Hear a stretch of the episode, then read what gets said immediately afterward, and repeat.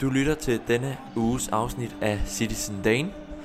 Dette afsnit er bragt i samarbejde med Danmarks Manchester City Fanklub, cityfan.dk. God lyttelyst. Yeah!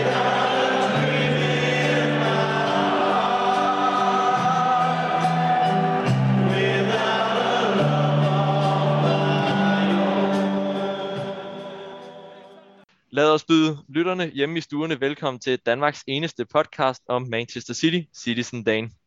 I dagens afsnit er vi gået i det virtuelle studie, hvor vi skal diskutere to højaktuelle emner. Først vender vi sejrene over Fulham og Gladbach, og derved vores videre avancement i Champions League. Men vi skal også snakke om elefanten i rummet, VAR. For er vi snart der, hvor vi egentlig bør sløjfe hele arrangementet. Mit navn er Frederik Berger, og med mig i, i det virtuelle studie er min faste medvært på programmet, den sprøde stemme, I er vant til at høre, Lukas Vorgård Jebsen. Velkommen til, Lukas. Tak Frederik. Godt at have dig tilbage. ja, godt at være tilbage. Og som, øh, som, som der er blevet teaset lidt for på de sociale medier, så er vi selvfølgelig ikke alene i studiet. Det er fantastisk at have en anden City-fan med. Det er Nikolaj Soega, der er kommet med i vores virtuelle studie. Velkommen til, Nikolaj. Jo tak, tak skal du have. For lige at, at præsentere dig kort for, for lytterne ude i, i stuerne, så er du pt. bosat i Aarhus. Du er i dit civile liv er du bygningskonstruktør, men vigtigst af alt er du City-fan. Så ja, velkommen til uh, Nikolaj, og så lad os da bare lige starte uh, det her gode program med at høre, hvordan du startede med at stifte bekendtskab med klubben. Jamen, øh, det startede egentlig i 2008, hvor at, at City var på besøg i Danmark, øh, nærmere bestemt Midtjylland, øh, hvor de spillede en, en returkamp i Europa League. Øh, jeg havde ikke rigtig stiftet bekendtskab med engelsk fodbold, øh, eller deslige. Og øh, da de så slog Midtjylland ud, som er en stor rival til Esbjerg, så startede det egentlig så småt derfra. Øh, det var ikke som sådan, fordi jeg begyndte at følge med i, i fodbold på det tidspunkt. Øh, det var der flere årsager til. Men øh, jeg fik da en lille smule interesse, fordi jeg synes, det var en fed kamp, og, øh, og det var sjovt at prøve at være med til sådan en af de der europæiske aftener, som man kalder det.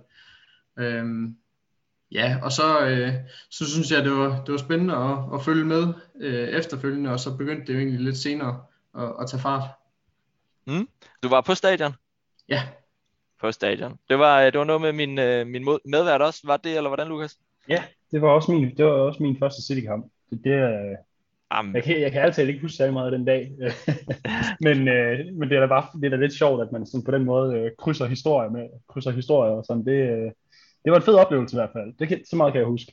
Og så kan vi jo gøre det endnu vildere, vildere og så sige, at, øh, at jeg var ikke på stadion, men det var også den første City-kamp, jeg så med de lyseblå fra Manchester.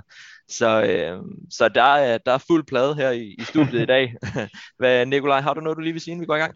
Ja, altså det er jo heller ikke så tit, at der kommer engelske, engelske klubber til, øh, til Danmark, og sidenhen har jeg også været på Midtjylland Stadion og se øh, Midtjylland mod Southampton. Øh, det, altså det sker jo ikke så tit, så det er med at udnytte mm. mulighederne. Hmm. Du var ikke inde at se United også? Nej, desværre ikke. Hmm. Ah, Den var lidt sværere. Super. Ja, men perfekt. Godt at høre, at, øh, at der er overensstemmelse i studiet. Det, øh, det tegner for et godt program. Så, øh, så lad os tage den her hurtige skiller, og så ellers gå videre til at snakke om Fulham sejren i Premier League og CL, og avancementet i Champions League.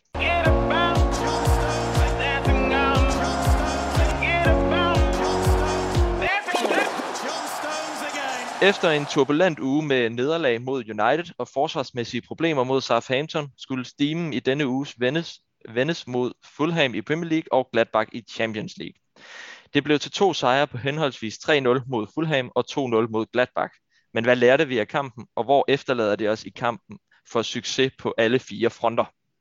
Det er de små emner, vi lige skal vende den næste kvarters tid, de her herrer. Så lad os bare starte ud med at, at spørge ugens gæst, Nikolaj, hvad, øh, hvis vi starter med Fulham-kampen. Vi, øh, vi stiller jo op på en, en ja, atypisk måde i forhold til øh, den, den normale opstilling, vi kommer med. Hvad, hvad synes du, at vi lærte af den her øh, sejr over Fulham? Men altså, jeg, jeg stussede også en ekstra gang over startopstillingen, da den kom frem. Øh, jeg kan huske, jeg sagde til min far, øh, fordi han snakkede om os på kampen, så sagde jeg, det kunne godt være spændende også på få mål, fordi City stiller op for første gang sådan her i den her sæson. Øh, også, og der, der, der var et eller andet i mig, der var utryg inden kampen for, for den her startopstilling. men jeg ser også positivt på den her startopstilling. Øh, og det gør jeg egentlig primært, fordi jeg tænker, at Pep han har forsøgt. Øh, han har lavet et, et forsøg. Øh, og så var det ligesom at se, hvordan det her forsøg det udspillede sig. Øh, I stedet for de andre gange, han har forsøgt sig, hvor det så har været mod en Champions League, øh, på en eller anden svær Champions League aften. Og så er det jo så meget mislykket. Ja, og hvis vi griber lige fat i den, det var jo det, jeg personligt også fik lidt bange anelser tilbage til den her frygtelige Lyon-kamp også. Øhm, men Lukas, hvis vi prøver at smide den over til dig. 3-5-2, vi spiller med to angriber på toppen. Mm. Det her system, hvordan påvirkede, altså hvad, hvad, synes du, det gjorde noget godt for vores spil, eller kunne du se nogle mangler i det også? Jamen, jeg, jeg, jeg ved, det er jo én kamp. Det, det synes jeg, det, det, det er nok noget af det, man, man sådan er, er nødt til at huske i det her. Det er én kamp, og det, er, og det var mod Fulham, og de har gjort det godt, men jeg har været selv, om City stillede op i en 3-5-2, så er der dybt overrasket, hvis City havde vundet. Øhm, jeg kan godt lide det, specielt fordi, at det er jo ikke særlig meget som City-fan over de sidste 10 år, man har set to angriber, altså spille på samme tid, og det, det er der noget, det er der noget charmerende over, synes jeg. Øhm, så hvad lærte man af det? Man lærer, det ved jeg ikke, vi har tre rigtig gode defensive, eller øh, centerbacks, man kan stille op dernede, og det, det er jo perfekt til det system jeg kan egentlig godt lide det, men, men jeg synes, der er mere, øh, hvad hedder det, tyngde. Altså, der er mere sådan på, på hele banen, når man spiller i en 4-3-3. Det er rigtig fint, at, at man kan begynde at indarbejde det her, fordi jeg tror da også, Fulham, de, kom lidt, øh, de blev taget lidt på, på sengen, så at sige, af at City stillede op på den her måde. Men jeg foretrækker en 4-3-3 og det er nok heller ikke fordi, at vi ser den gode Pep Guardiola gå, gå fuldstændig væk og så stille med, med tre centerbacks. Men lige præcis det her med de tre centerbacks, vi spiller. Vi har en centerbackkæde, hvis man må sige det på den måde, der hedder Laporte, John Stones, Ruben Dias. Øhm, hvis vi helt præcis skal sige, er det noget, I, I har været inde lidt at berøre det? Lad os, lad os tage den kort, og lad os starte med at få din holdning til det her, Nikolaj. Er det noget, du godt kan se os køre de her 3-5-2 opstillinger, også for at få en type som Mendy inde på holdet på en venstre bak, som, som kan gøre, måske komme lidt mere til sin ret, når han ikke har så mange defensive pligter. Kunne du se, forestille dig, at det kom i, virkelig, eller i, i fremtiden også mod, mod de måske lidt mindre hold? Øhm, altså jeg har svært ved at se det mod de lidt mindre hold. Øh, det skulle netop være, hvor man øh, er meget presset af et hold, der spiller mod, med to angriber, tror jeg. Altså så du har en, en, øh, en forsvarsspiller ekstra mod de her to angribers systemer. Øhm, og så synes jeg, det er ærgerligt, hvis, man, hvis Pep han nu begynder at tænke 3-5-2, når vi lige har smækket en venstre bakke afsted, som er perfekt til den, øh, til den opstilling. Så det vil jeg da være ærgerlig over, hvis han er begyndt at tænke ind i systemet nu. Ja, har du noget, Lukas, med det? Jamen, det har jeg, fordi den der 3-5-2, det var jo noget, jeg, jeg kan ikke huske, det må have været Peps anden sæson, han for alvor kørte den ind, der hvor man øh, fik uh, Walker og Mendy, det var den sæson, ikke? De blev købt begge to, så vidt jeg husker. Og, og der er jo noget i, at, at men de har, i hvert fald Walker, det har han stadig den der ekstreme fart, så han, det er perfekt, hvis han har en helt fløj for, eller en helt kant for sig selv, som han bare kan op og ned af, og har alt den plads, han har brug for. Og det var det samme med Mendy lige indtil han blev skadet i tre år i træk. Og altså jeg synes, altså Mendy, jeg synes ikke, man skal stille, stille en hel formation op for, for at indrette sig efter Mendy og Walker. Det må jeg bare sige. Jeg, jeg, jeg synes ikke, men de har særlig meget bidrag med. Altså, det virkede rigtig, måske den der Liverpool-kamp, hvor vi vandt 5-0, det så vi, at det virkede fuldstændig fantastisk, fordi at der var Mendy også på, i topform eller noget, der minder om, men det har bare ikke været siden, så det, det er lidt, øh, jeg, jeg, synes, det er meget, jeg synes, det virker som om, at den, det blev meget, den idé blev skabt, fordi at man havde baksen til det. Nu har vi nogle helt andre baks, altså Cancelo, og lad os sige, vi spiller Cancelo og Sinchenko, de skal jo ikke ligge og fise op og ned af kanterne, de skal gøre det modsatte. De skal mm. trække ind i banen. Så, og det, altså, det er vores, i hvert fald Cancelo, det er vores klart bedste bak, så altså, jeg synes helt sikkert, at den ligger mest til, at vi skal fortsætte med en, med en 4-3-3 i 90% af kampen, hvis ikke mere. Perfekt. Okay. Super. Lad os, øh, lad os give det gode råd videre til Pep Guardiola, der 100% nok lytter med her. Ja, ja. og, og så lad os vende blikket videre til i går, til, os, øh, til lytterne, så sidder vi optaget det her onsdag. Men i går spiller vi i Champions League, desværre ikke på Etihad, men i Budapest, mod Gladbach. Vi havde en returkamp, vi førte 2-0 fra første kamp, og vi skulle så hive den, øh, den sidste i land og, og sikre os videre avancement. Vi vinder 2-0 på, øh, på to gode mål af, af De Bruyne og Gündogan. Men Nikolaj, hvis du vil prøve at putte et par ord på, jeg bed særlig mærke på, at den her opstilling, Sterling endnu en gang udladt.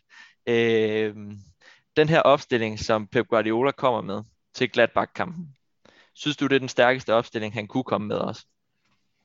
Altså på nuværende, på nuværende synes jeg, ja, det, det er meget tæt på i hvert fald. Øhm, jeg synes, der var lidt i forhold til, at Cancelo, han spillede ikke rigtig venstre bak. Øhm, han var mere sådan den defensive anker. Øhm, og så var der noget i forhold til, at altså Mares er jo selvfølgelig i stor form lige nu. øh, og, og Foden, ja, jeg så ham gerne spille eneste gang. Han er en fornøjelse. Øh, det er, det er sandt guld, altså næsten alt, hvad der kommer fra, fra hans fødder. Øh, men ja, jeg synes, det var meget tæt på, på bedste startelver. Og vi stiller i en perfekt startelver en klub i England, der ligger nummer et, jævnfør øh, os og vores øh, kamp for mesterskabet mod en klub i Tyskland, der ligger nummer to og play, eller nummer 10 undskyld, i Tyskland, og PT er cirka lige så ringe som, øh, som Schalke. Øhm, lad, vil du prøve at putte et par ord på selve kampen, Lukas, og, og hvordan vi ligesom kunne se, at det her det også var en, en opgave, som Guardiola især tog, tog meget seriøst? Jamen, det har du i startopstillingen. Mm. Altså, det, det, det, det er jo rimelig tydeligt uh, tegn på, at, at den blev taget dybt seriøst. At den ville man vinde, og det gjorde man. Altså, jeg, jeg, vil, jeg vil sige, jeg er glad for at være City-fan, da jeg sad og så den kamp, ellers så havde det været ekstremt kedeligt. Altså, det var, der var ikke rigtig noget spænding i. Det var cruise control, og det, det var så fint, og det er lige præcis noget, man, man har savnet fra City i, i mange år i Champions League. Øh, igen, det, igen, det der med, at det er én kamp, og det er mod et hold, der ikke er, der bestemt ikke klarer det øh, sådan rigtig godt lige nu, og der er alt det der med deres manager og så videre og så videre. Men det er, jo, det er jo lige præcis det, man gerne vil se. Altså, vi får en 2-0, den bliver kørt hjem 2-0, vi kunne have vundet mere, men det er fint. Det er fuldstændig lige meget. Den blev kørt, der blev sparet kræfter, der blev, det var så fint. Det var sådan, som det skulle være. Og øh, nu har vi snakket lidt formation før i forbindelse med Fulham.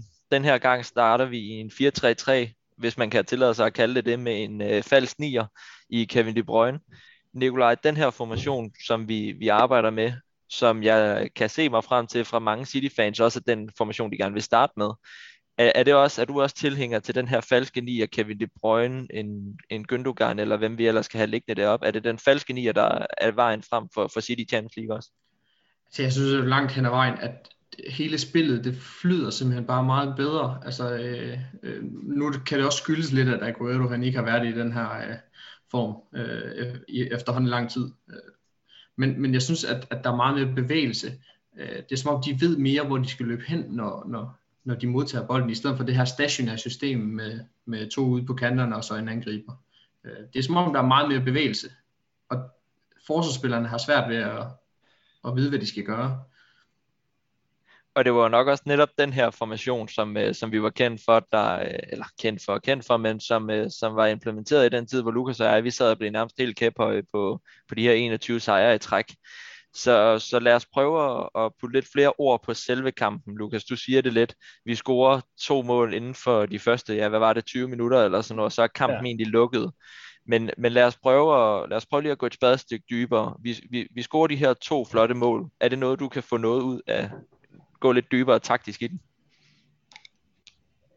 Der er ikke så meget uh, taktisk at gå dybt i ved det første mål i hvert fald, fordi det er jo bare et, uh, et kongemål, og det, det, det har ikke så meget med taktik, eller selvfølgelig har det det, fordi det Brøgne, han ligger nemlig der på den position som falske nier, og, og men altså, som Nikolaj også siger, det, det, det klæder vores spil ekstremt meget, fordi det øger bevægelsen så meget, og hvor meget man så ikke kan lide Aguero, så, så bevæger alle sig bare mere, når, når der ligger en, en anden type end ham deroppe det, og det andet mål, det var så også det, at altså den der omstilling der, hvor man bevæger bolden stille og roligt, man lokker nærmest modstanderen en lille smule frem, før man så spiller sig igennem, og med 3-4 afleveringer, så har man scoret et mål ned fra en, øh, nej, man har ikke scoret et mål ned fra en banehalvdel, men det var der, det startede.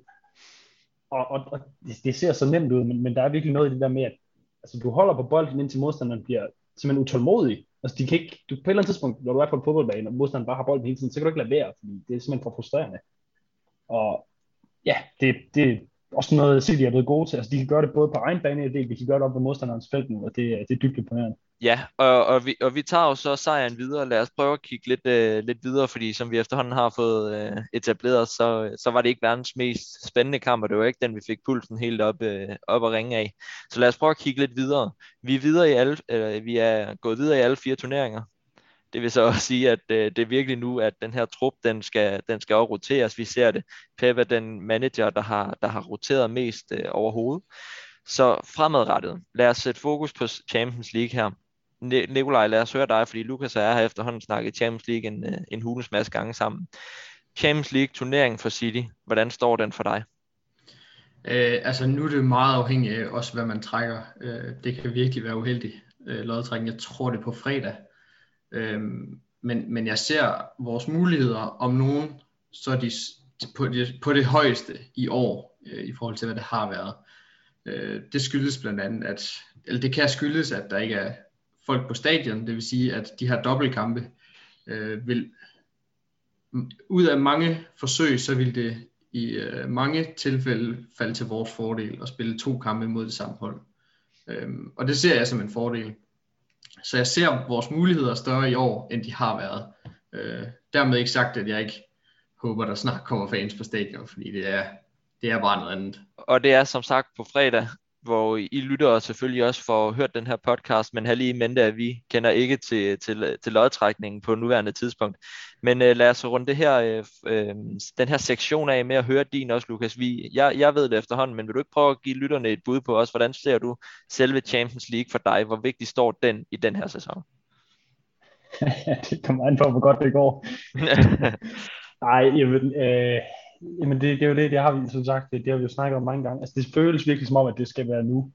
Både med den måde holdet er stillet op på, ja mest af alt defensivt jo. Det, det er jo det, der, det vi har snakket om, det er det, der gør forskellen i Champions League. Men, men der er virkelig også noget omkring det der med, med den bevægelse, for det er altså ikke mange hold, du møder lige meget, hvilken liga du spiller i, hvor de fem øver, eller forreste spillere hos modstanderne, de bare flyver rundt på banen, altså, hvor du ikke, altså, det er så svært at dække op for. Så jo, det, det, det skal da være nu, men, men hvor er man bare også det er svært at sige som City-fan, fordi hvor, altså, det er da en 3-4 sæsoner, hvor man har tænkt, okay, er det måske nu? Jeg er mere positiv nu, end jeg har nogensinde har været omkring det, men altså, delen ved, hvad der kommer til at ske. Jeg, jeg, ja, hvis vi nu løber ind i Bayern i næste runde, og så har vi en dårlig dag på kontoret og taber 2-0 på hjemmebane eller sådan noget, så, er det jo, så var det nok den turnering. Så ja, vi må bare se, hvad der sker, men, men ej, hvor ville, hvor ville det være skønt, hvis det var nu. Også bare, så kan vi få stoppet alt det der palaver omkring City og Champions League. Præcis, og med, med den meget opfordrende besked til, til andre fans af andre engelske klubber, ja. så, så, så, så nåede, vi, øh, nåede vi fint igennem den her sektion. Som sagt til lytterne, vi går, går ikke al, øh, alverden til dybden med lige præcis det her. De fleste har set det, det var måske ikke de mest... Øh, ja, hvad skal man sige, sindsoprivende kampe, vi spillede, så vi bruger tiden på at komme i ophedet diskussioner omkring VAR lidt senere i programmet. Bonnie, Bonnie, Bonnie, Will Ferrari, Bonnie. The fuck. Will Ferrari, Barney. And Clancy gets it through, and a chance on here for Uwe Rosler! And City have taken the lead! Uwe Rosler goes to take the acknowledgement of the delighted hordes of City supporters. Så er vi nået til det punkt i programmet, hvor vi er kommet til det faste holdepunkt, nemlig Røsler Boni-skalaen. Det er skalaen, hvor vi placerer to nyheder eller begivenheder om klubben på en skala, der går fra Uwe Røsler, som er den positive ende, til en Wilfred Boni, som er den negative ende. I lytter og burde efterhånden kende den, så, øh, så lad os starte ud med, med gæsterne først, tænker jeg, så lad os høre Nikolajs. Ja, lad os bare få begge to. Lad os starte med Røsleren, og så give os Bonien bagefter. Ja, men øh, Røsleren, det kunne egentlig have været mange ting her de sidste par uger. Øh, jeg synes som sagt, det var positivt, at Pep han prøvede af med en 5-3-2, 3-5-2 opstilling mod Fulham. Øh, jeg tror, at Pep han fik meget ud af kampen. Øhm, måske ikke også som fans, men jeg tror, at han lærte meget af kampen. Øhm, Røssel, det kunne være øh, avancement i CL, eller øh, det drømmemål af Kevin. Men jeg vælger at gå med, at Aguero han endelig fik scoret igen efter så lang tid uden scoringer. Det er min øh, røsler for den her uge. Ja, Perfekt. Lad os, øh, lad os lige følge op på den lidt senere. Jeg har lige et, øh, et lille lytter, lytterinput, vi kan, vi kan tage med det også. Så lad os bare prøve at høre din boni. Jamen min boni og øh, Frederik og jeg, vi snakkede om, inden vi optog her, at øh, det var faktisk svært at finde en boni. Der skulle ledes lidt, i, øh, lidt rundt omkring. Men jeg vælger at gå med, at Pep Guardiola, han roterede ved at skifte ud, noget han så sjældent gør, i Fulham-kampen og så vælger han at skifte Garcia ind. Øh, jeg synes, det er utroligt skuffende. Øh, han har tydeligt givet udtryk for, at han ikke vil spille i City mere, øh, og jeg synes ikke, at vi skylder ham noget. Så fordi at jeg virkelig skulle lede, så bliver det en lille boni til, at han skifter Garcia ind. Okay, perfekt. Hvad, har du nogle tanker omkring den lynhurtige, øh, Lukas? Altså, jeg synes faktisk, den er, den er, det er en meget færre boni. Den kan jeg faktisk virkelig godt lide. Også du siger, Nicolaj, det er, det er en lille boni. Jeg, jeg, det kan jeg godt følge. Altså, det eneste, jeg vil sige til det, det, er, det kunne jo simpelthen bare være, fordi at det var et sæt ben, som skulle erstatte nogle andre, så de kunne komme ud og sidde, og der stod 3-0 på det tidspunkt. Men jeg, men jeg er enig med dig i, at altså, han kommer ikke til at være en del af fremtiden, så, så han skal ikke have særlig meget spilletid. Øh, wrestleren, det ved jeg ikke, skal jeg komme med? ja, lad os, øh, lad os høre din røsler, Boni, nu, og så, så følger vi lige op på den med Arguero bagefter. Fint. Men altså, jeg er jo meget enig med Nikolaj, det er måske også, ja, jeg er måske heller ikke, det også, at vi kører fra uge til uge. Det sker jo ikke de helt store revolutionerende ting, men jeg vil sige også, at man prøvede en 3-5-2 øh, af, og det gik, øh, det gik glimrende. Det synes jeg, det er, det er, en, det er også en lille røsler værd.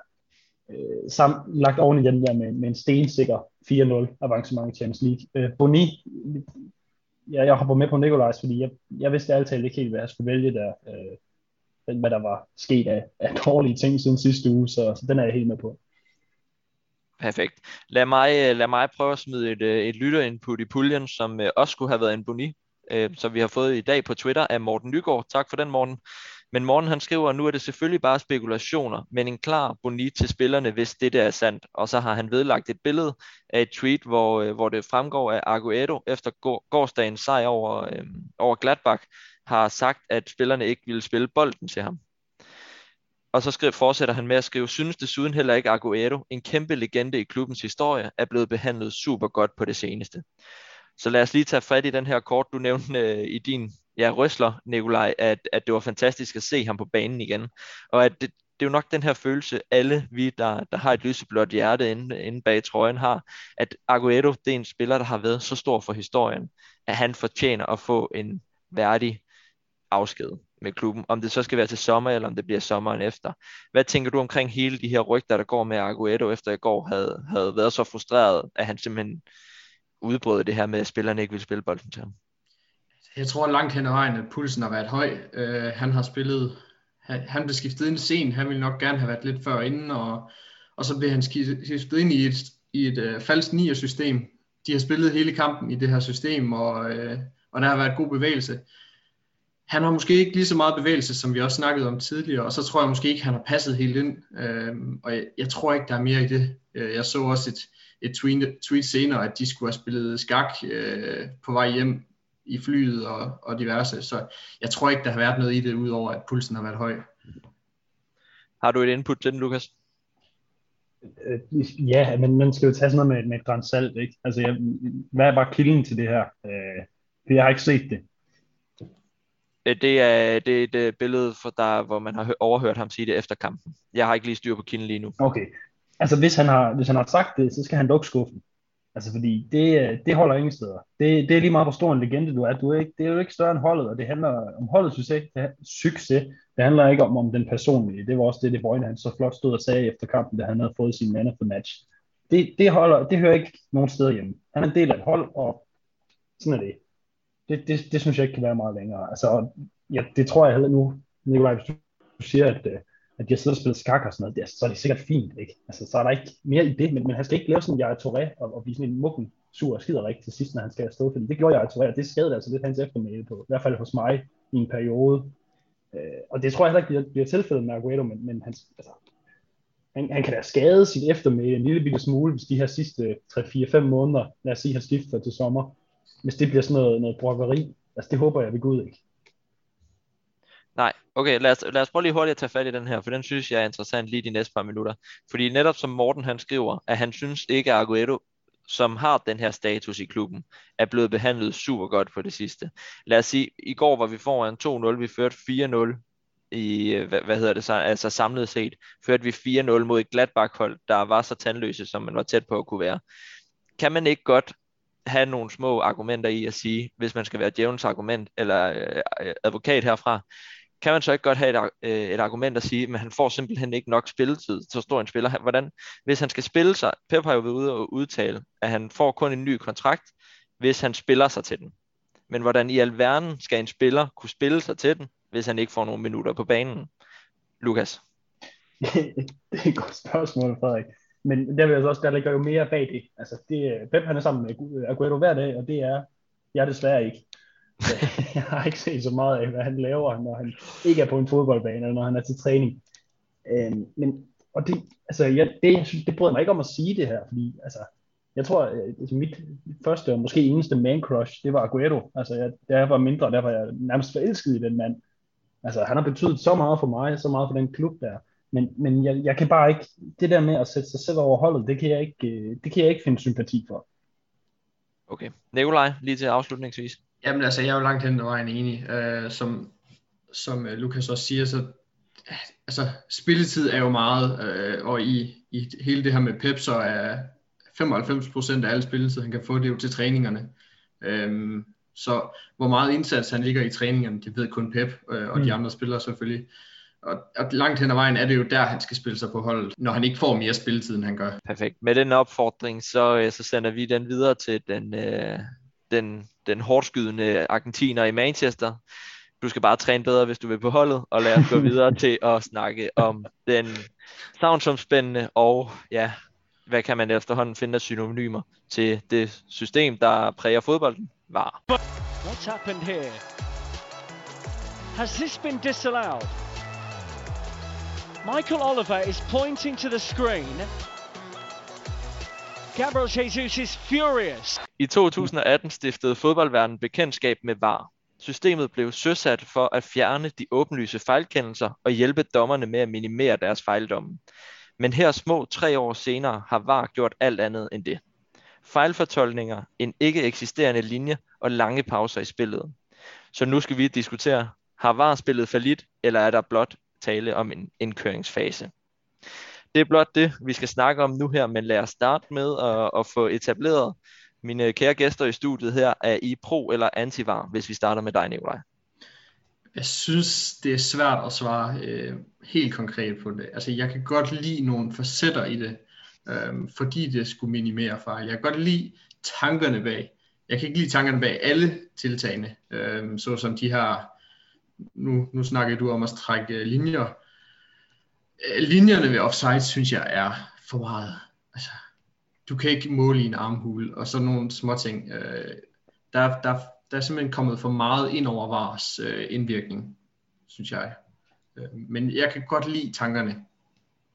Okay, så du, du, du, du hælder lidt imellem. Altså, du, du er for var, men du er imod den måde, vi bruger det på jeg, jeg tror, jeg er for var, men der skal være væsentligt færre ting i var, som, som var kigger på. Okay. Må vi høre din, uh, Lukas? Ja, ja, så håber jeg, at jeg kan nå at blive færdig, inden vi skal have det her udgivet på fredag. øhm, men jeg, jeg, jeg er også som udgangspunkt pro-var, øh, og, det, og det tror jeg også, jeg har sagt på podcasten før, fordi jeg synes simpelthen selv som, som, altså, som fodboldfællesskab på alle mulige planer, der har vi fuldstændig selv bedt om det her. Altså vi har, det, det, hver gang vi ser en spiller, der, der står og råber en dommer op i hovedet, fordi at der er blevet dømt et eller andet, der gik en lille smule mod ham, eller en træner, der står og skaber sig, eller fans, der står og råber ved stykkeligheder ned mod dommeren. Altså, altså det er også et skjold for dommerne, så det er ikke så meget, at den, at den enkelte person, der, der står til ansvar, men det er et system. Og det kan jeg egentlig meget godt lide. Altså problemet har jo været, at man, man har sat et system op, uden, uden at have nogen, altså man har ikke været forberedt på det. Og, og så lige siden, så har det været lappeløsninger, og sådan, jamen, hvad, hvad fanden gør vi lige ved det her specifikke case, fordi det var vi ikke forberedt på. Øh, jeg synes, det eneste, der, nej, ikke det eneste, det der for alvor øh, for mig er problematisk ved VAR, det er, det er det med målscoringerne. Altså det der med, kan jeg juble, kan jeg ikke juble. Det synes jeg virkelig er noget, der ødelægger fodbolden. Men det, altså, det, ja, det var jo på vej. Det var kommet uanset hvad, og, så er der de der ting med millimeter beslutninger og sådan noget. Nej, men, men jeg synes godt nok, det er svært, fordi vi, vi har selv bedt om det. Det var på vej. Det, du ser i alle mulige andre sportsgrene, videoteknologi, det er på vej. Også fordi der er så mange penge på spil i, den her, øh, i det her univers. Så, så klubber vil have de rigtige beslutninger. Øh, nu er der så stadig lige så meget brok, som der var før var. Øh, nu er det så bare rettet mod, mod var mere end specifikke dommer, men jeg, altså, jeg, jeg, jeg ved sgu snart ikke, hvad man skal sige om det her, fordi det er blevet så stor en farse. Altså, Okay, jo. Lad os, øh, lad os spare lidt på ordene hurtigt, Lukas, og så lad os ja. lige uh, hive nogle af, af lytterinputtene ind, som vi har fået.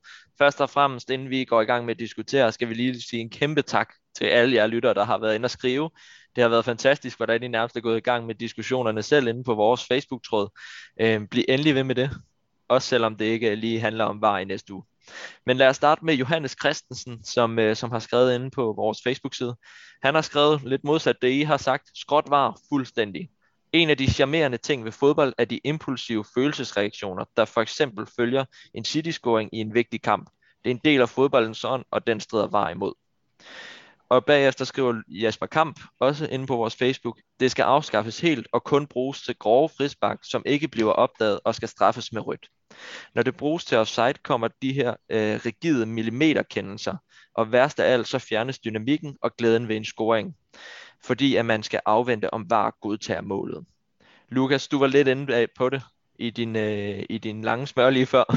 øhm, de her både Jesper og Johannes nævner på Facebook, og tusind tak for det Jesper og Johannes, men de nævner begge to, at det var, som de mest kede af var at gøre, det er det her med fodboldglæden, altså følelsen af at rende spurtende totalt irrationelt igennem stuen, fordi at Sterling lige har scoret en last minute øh, scoring mod Tottenham, som for bare et par år siden, ikke?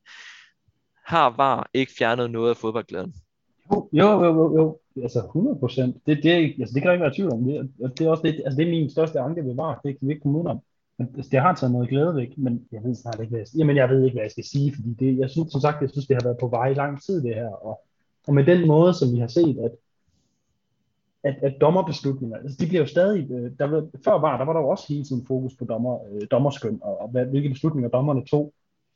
Så har man så forsøgt at lave et system, der, der skulle gøre sådan, at der ikke kunne blive lavet fejl. Der bliver stadig lavet masser af fejl. Men det, øh, det synes jeg også, jeg har set nogen kommentere ind på vores Facebook-side. Det er også et spørgsmål om, om hvor, hvor godt uddannede dommerne er. Og øh, så vidt jeg ved, så er der ikke nogen Premier League-dommer, der er fuldtidsansatte, hvilket jeg ikke forstår en brik af. Man skulle tro, at Premier League havde nok penge til at ansætte en, en 20, 30, 40 dommer på, på en fuldtidsløn, øh, så de simpelthen kunne bruge deres tid på det. Det, det ved jeg ikke, om det, det burde kunne lade sig gøre op i mit hoved. Øh, også så de kunne blive mere bekendte med systemet, være mere i kontakt med hinanden, sådan og, og blive enige om, hvad det egentlig er, der skal foregå med det system det er det der med, at man har kastet sig ud i et eller andet, uden rigtig at have en idé om, hvad, hvad endgame var med det. Det synes jeg er det største problem.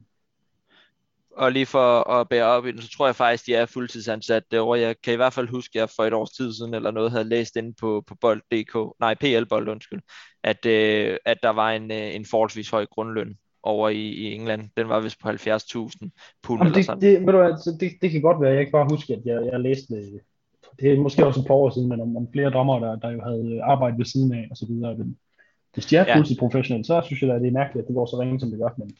Og det er de vist. Jeg, har lige, jeg mener vist, at uh, i Superligaen, der, uh, der er de ikke, uh, altså, der, det har jeg i hvert fald set uh, Benjamin Leander tale for, at, at der er de ikke fuldtidsansatte, og der er de ikke tid til at, at arbejde ma- særlig meget på optimering af dommerstanden. Ej, så, skal, så ved du hvad, så, så tror jeg fejl. Øh, og så beklager jeg, fordi så er, det bare, så, så er der jo noget, der stadig ikke fungerer. Så ved jeg ikke, hvad man gør ved det. Men lad os så gribe fat i den. Lad os gribe fat i den. Nu har vi den dommerne her, Nikolaj. Vi nævner det. De er fuldtidsansatte. Det er dommer, nu har jeg lige hurtigt googlet mig til, at tjener næsten 1 million kroner om året i gennemsnit. Okay. Som for at dømme Premier League kamp. Er vi ikke ude i, lad os tage den fat i den. Hvor, hvor tit ser vi en engelsk dommer dømme Champions League finaler? Hvor tit ser vi en engelsk dommer dømme semifinaler. Det er jo ikke så ofte, så er vi ude i, at det muligvis ikke er var systemet her, der er problemet, men er det simpelthen dommerstandarden, der er for lav? Jeg ved ikke, om dommerstandarden er for lav. Altså, jo, øhm, på sin vis kan man jo godt sige, at dommerstandarden er lav i England, i og med, at de ikke dømmer de store finaler. Øh, har ikke gjort det de sidste par år. Øh, husker i hvert fald en statistik i VM, dengang, at, at der ikke var nogen engelske dommer med. Øhm, men altså det er jo også den liga i verden med mest, øh, altså med mest opmærksomhed, så det er jo de fejl, der nu engang bliver gået, det er jo, bliver begået, det er jo de fejl, man lægger mærke til i verden. Øh, lægger nok ikke så meget mærke til de små fejl i, i Tyskland, øh, Spanien og Italien og de her ligaer. Øh, så ja, det, jeg synes, det er lidt svært at sige, fordi jeg kender ikke engang standarden for de andre ligaer. Øh, kontra. Men, men er det ikke lidt påfaldende, nu, nu, nu skal jeg nok lade være med at sidde og riste for meget, men hvis man bare ser lidt af en fodbold, der, der foregår i Tyskland, som du selv nævner, der foregår i Spanien, ja, de har stadigvæk problemer, men det er jo overhovedet ikke på den her skala, som, øh, som det kære Premier League ligger på. Så der må jo være noget i, at det måske ikke er, er, er systemet, men det er de mennesker, der bruger det, eller hvordan? Jo, altså, øh, det har jeg også stusset meget over. Men jeg tror også et eller andet sted, at FA, øh, ja, organisationen i England, jeg tror, de er simpelthen så stedige, at de ikke kigger mod de andre lande og ser, hvad der for egentlig fungerer. Fordi Tyskland har, fundet, har knækket koden, øh, mere eller mindre. Øh, Øh, I hvert fald med de tyske kampe, jeg har set. Der er ikke mange af de her kæmpe fejl, som, som bliver taget op gang på gang. Øh, og det synes jeg jo, der er i England. Ja, for man ser vel ikke, altså jeg kan næsten ikke huske det, det sad vi også og snakkede lidt om, før vi gik øh, online her på, eller hvad man skal sige, på, på optageren, at øh, det, det var faktisk næsten atypisk. Vi har spillet to kampe nu, de sidste to kampe, siden vi optog sidst, hvor der var ikke har været i centrum. Men du skal jo ikke mere end bag til, tilbage til Southampton-kampen. Der får Jannik Vestergaard et straffespark, fordi at, jeg ved ikke, om der er en eller anden, der står foran ham og slår en brud, eller hvad der sker, for det, han vælter da godt nok forholdsvis dramatisk. Altså, så øhm, ja, lad os prøve at tage dig ind over det her, Lukas. At dommerne, der foregår, der løber rundt i England, er, er det simpelt, eller dem, der står bag ved dommerne, er der simpelthen noget, der ikke hænger sammen her, når vi ser, at det kan fungere i Tyskland, Spanien, Italien? Der er jo, ja, jeg kan svare nemt at sige, ja, der er noget, der ikke fungerer. øh, hvorfor? Det er så en helt anden sag, men jeg tror, Nikolaj har ret i, at der er noget i, i FA, hvor man øh, generelt er rimelig konservativ øh, i den måde, man, man håndterer tingene på generelt. Altså, ja, der er ikke særlig meget nytænkning, når det kommer til FA. De, altså, det, det med, at de har taget vejen, det er på en eller anden måde lidt en, i sig selv, synes jeg, da det kom en overraskelse. Øh, fordi de, de er meget konservative, og måske, måske er man nemlig stedig også, altså og siger, at vi har vores dommer, og så er det sådan, det er. Mm. Jeg, jeg, jeg, ved, jeg ved sgu ikke, med, altså, jeg har ikke dommerkort, jeg har ikke, altså, jeg har ikke nogen erfaring med, med noget som helst dommer, halløj. Øh, så jeg ved ikke, hvad det er, der gør, at det er så meget sværere at få det til at fungere i Premier League. Og jeg synes ikke, jeg har hørt nogen, der har kunne forklare, hvorfor det er sådan. Øh, det virker som om, at det, det er bare sådan, det er, og, og det, det er bare blevet mere og mere frustrerende, men løsningerne, løsningerne har man stadig ikke fundet på. Så, så hvad, hvad er det, der foregår? Hvad er det, der skal til? Hvad er det, der ikke fungerer? Hvad er det, der ikke fungerer? Hvor, hvor er det, den der kode knækker? Jeg ved, jeg ved, jeg, forstår, jeg ved jeg simpelthen ikke. Og det er selvfølgelig heller ikke her, vi skal sidde og, knække den kode, men, men lad os prøve alligevel at sidde og, og lege lidt klog her. For hvis, I har jo begge to sagt til at starte med, modsat vores lyttere, øh, i, i selve konceptet var, men den måde det blev ud, øh, brugt på, var I ikke tilfreds med. Lad os mm. prøve at gå lidt mere øh, og konkretisere det lidt mere. Selve VAR-systemet, hvordan synes I, at øh, altså kan I se nogle, nu, nu snakker vi meget negativt altid om VAR, men hvilke positive ting kan VAR også bringe med sig, hvis vi ellers får fikset den måde, som vi tænker det på lige nu, Nikolaj? Jamen altså, helt grundlæggende, så vil jeg da være øh, utrolig ærgerlig over, og det kan tabe en stor fodboldkamp, eller det kan være øh, ryge ud af Champions League eller lignende på en, på en, lad os sige det, som det er, en stor dommerfejl. En lille skøn, eller et, et, et øh, hvad kan man sige, en lille dommerfejl, det, det har man levet med i mange år, men nogle af de her det kan være benbrækker-taklingerne, eller de klare røde kort, eller kæmpe offsides, eller sådan noget i den stil. Altså, det er jo godt, at man får udryddet de store ting, som dommerne åbenbart ikke opdager selv. Øh, det, det synes jeg er en af de gode ting, man har, man kan have fået fjernet med VAR. Men skal vi så ind og have, have, have, have gjort kon- konkretiseret det lidt mere, så vi siger, at vi, vi går ikke ned og kigger millimeter offsides, men vi snakker øh, 20 cm over, eller hvordan tænker du? Fordi det, kan, det er fint at sige et skøn, men, men hvordan, altså, hvordan kommer det til at fungere i virkeligheden? Jamen, jeg så egentlig et forslag øh, til det her med offside. Altså, jeg ved ikke, om man skal lave offside-reglen om. Det har jeg slet ikke noget øh, indblik i, hvad det vil kræve. Men, men jeg så et forslag på det her med, at, at, at det var fødderne, der galt. Og det er jo immer ikke noget nemmere at måle fra fødderne, end det er at måle i en armhul, eller øh, brystkassen, eller lignende. Øhm, der, det er noget nemmere at måle fra fødderne af, fordi de er jo trods alt placeret på jorden det meste af tiden. Øh, og det vil jeg sige var nemmere at måle ud fra. Og så, så får man jo de her, så, så behøver det ikke at være ned i, hvad er et skøn og hvad er en bagatelgrænse. Fordi så kan du mere eller mindre se det, uden at skulle trække de her lodrette streger op, som ingen forstår alligevel. Men kommer vi så ikke stadigvæk ud i, at vi kommer til at lave de her streger, så er det bare, snakker vi en lille tog i stedet for et armhulhår. Lukas, øhm, jeg, jeg, jeg forstår pointen, men er vi ikke ude i, at det er et var, der, der må accepteres som det er, eller så skal vi bare sløjfe det helt? Jamen, det kommer man på, hvordan man ser på det. Mm. Hvordan altså, ser du på det? Godt spørgsmål. Jamen, det, jeg vil sige i forhold til, til i hvert fald meget konkret med offside-kendelserne. Før VAR kom, der blev alle de mål, der blev scoret på en minimal offside, de blev jo, altså, ja, undskyld mig, flue knippet i analy, analyser efter kampe og af fans og sådan noget. Så, så blev der alt, altså billeder på Twitter overalt, hvor, hvor man havde tegnet præcis de samme streger, som man gør med VAR, og så siger, det er for, dår, det er for dårligt dommer. Nu har vi så fået VAR og gør det, og så siger vi, det er for dårligt VAR. Så jeg, jeg ved simpelthen ikke, hvordan, hvordan man skal gøre, hvad man, altså, måske skal man simpelthen bare, altså, enten så skal man jo sløjfe det hele, og så bare sige, så må vi leve med de, med de fejl, der er, og så tage det på os og sige, fint, så er der fejl, og så skal vi bare lade være med at blive så eddike sure, hver gang der er en fejl. Men det er det med, altså, vi har, vi har selv bedt om det, fordi alle dommerfejl før var, de bliver også altså, travlet igennem. Altså nærmest endnu mere, end de gør med var. Ja. Okay. Det, det er svært at gå i, øh, i, i detaljer, for vi sidder jo desværre ikke med i de her udvalg, der sidder og ordner alt det her. Øhm, så lad os, lad os tage den. Vi har et konkret bud. Nikolaj siger, fødderne så må vi måle derfra, også fordi hvor stor en fordel giver det egentlig, at man lige har en venstre armhul lige lidt over den andens fødder, som vi så med Laporte-scoringen i Southampton-kampen. Øh, så lad os tage den derfra, og så lad os prøve at, at snakke lidt mere. Tror I, at det her det er noget, som muligvis også kan, kan skydes hen på klubberne, altså dem, der ofte står efter kampene og brokker sig. Jeg har haft lidt den tanke, at jeg tror simpelthen også, at det her det har givet klubberne, managerne, en helt anden mulighed for at gå ud og, og manipulere og ud og, ja, og prøve at, og få en dommer til at favorisere ens hold. Du, du ser jo kamp efter kamp, du ser en Jürgen Klopp, du ser en Mourinho, du ser ja, også nogle gange en Pep Guardiola, der går ud efter kampen og siger, at det, at øh, det her, det var jo ikke, øh, hvordan kan der være straffespark her, hvis der ikke er straffespark det andet sted, og, og bla bla bla, ikke? og så forsøger de at, at få skubbet mor til en side.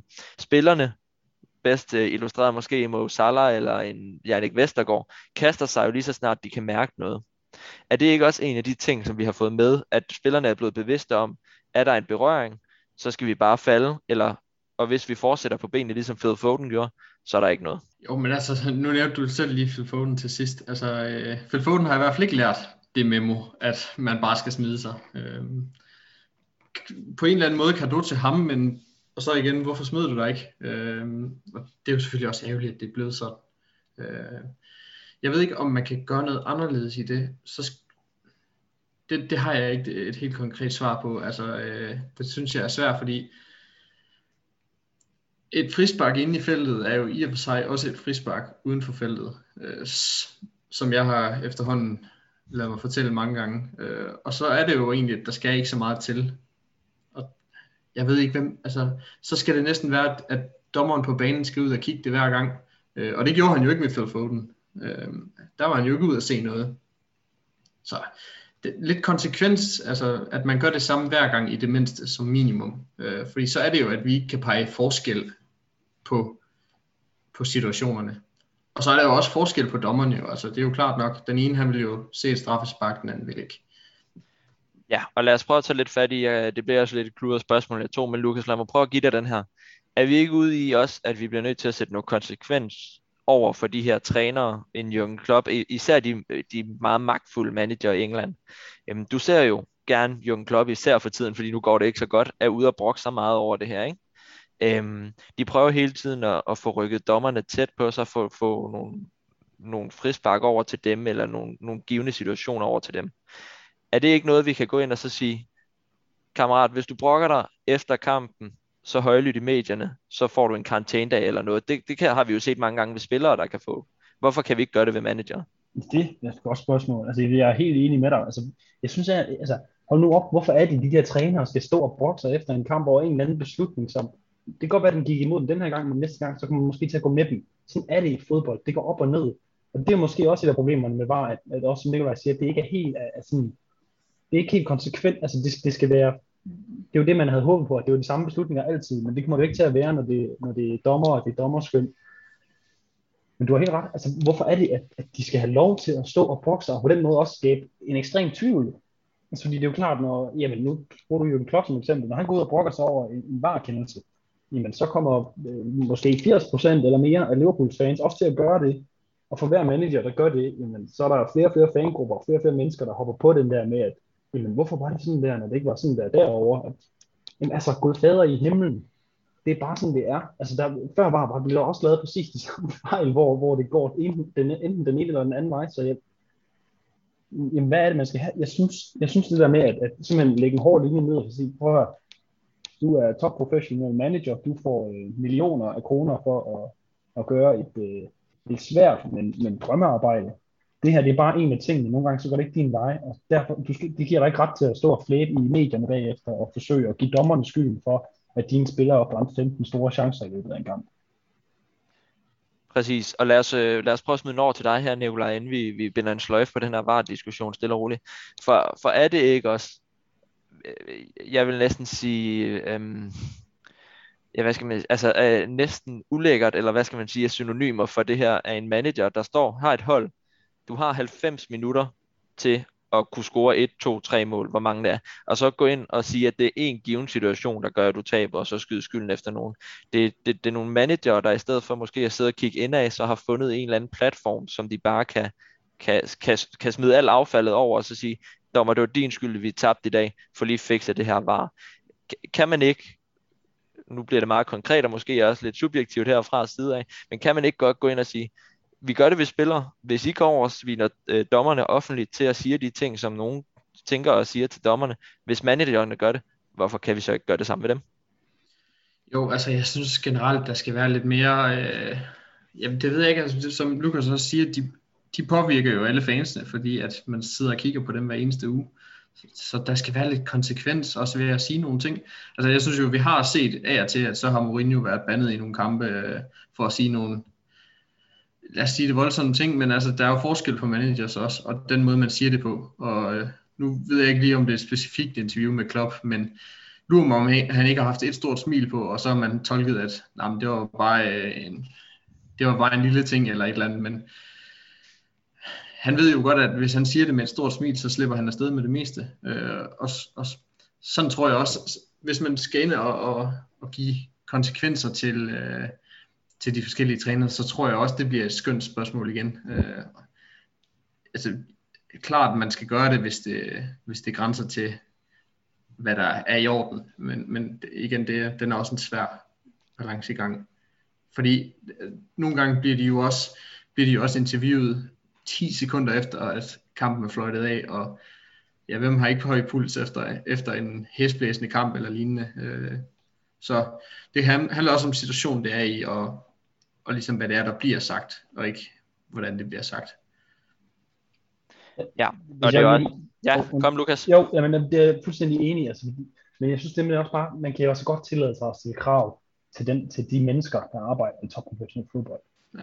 Det, det synes jeg virkelig godt, man kan.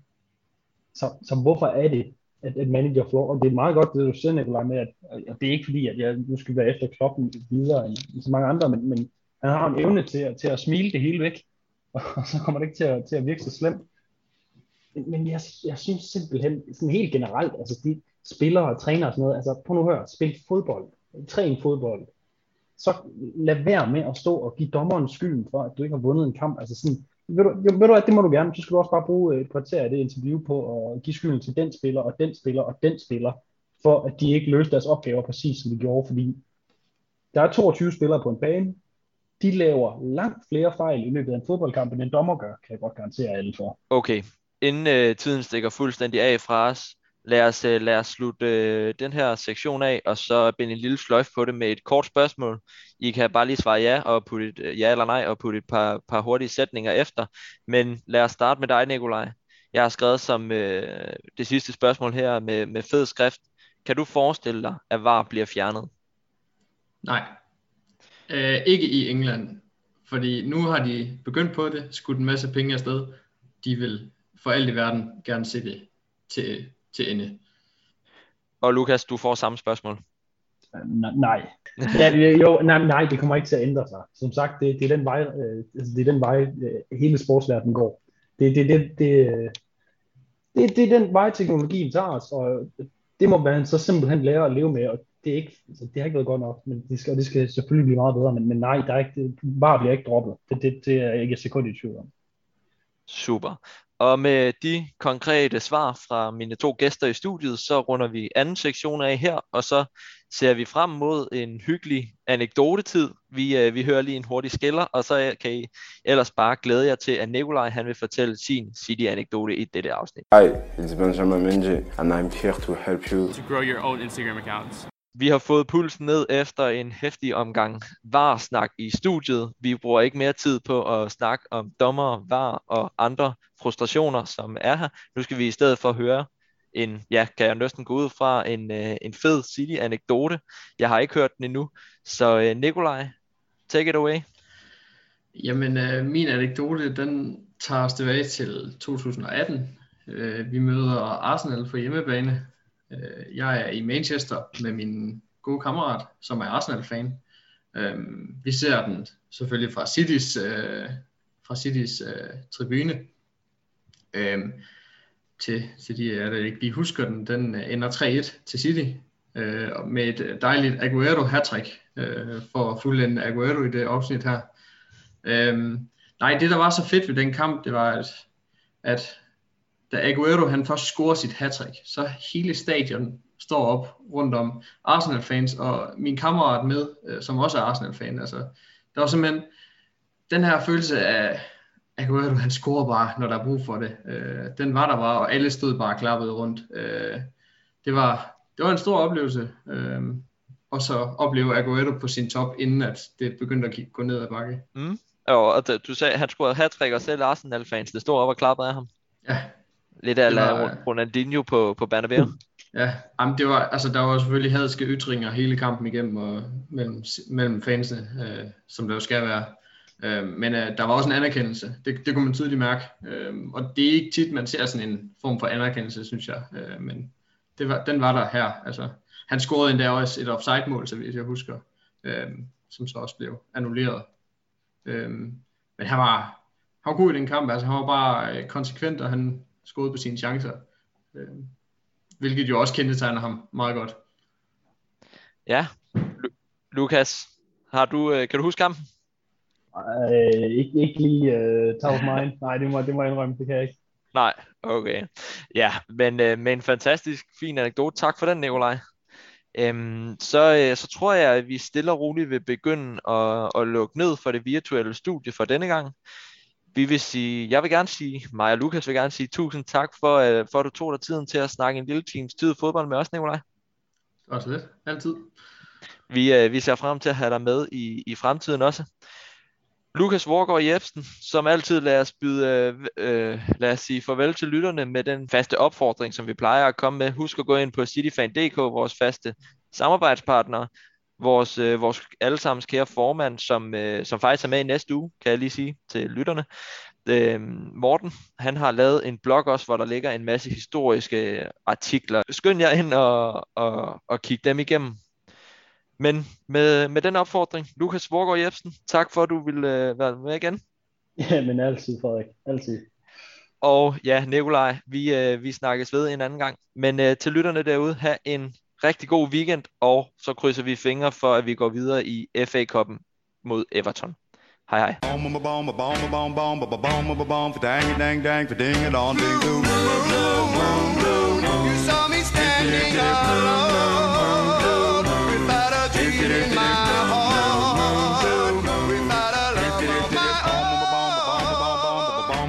Dang dang dang ding dong ding blue moon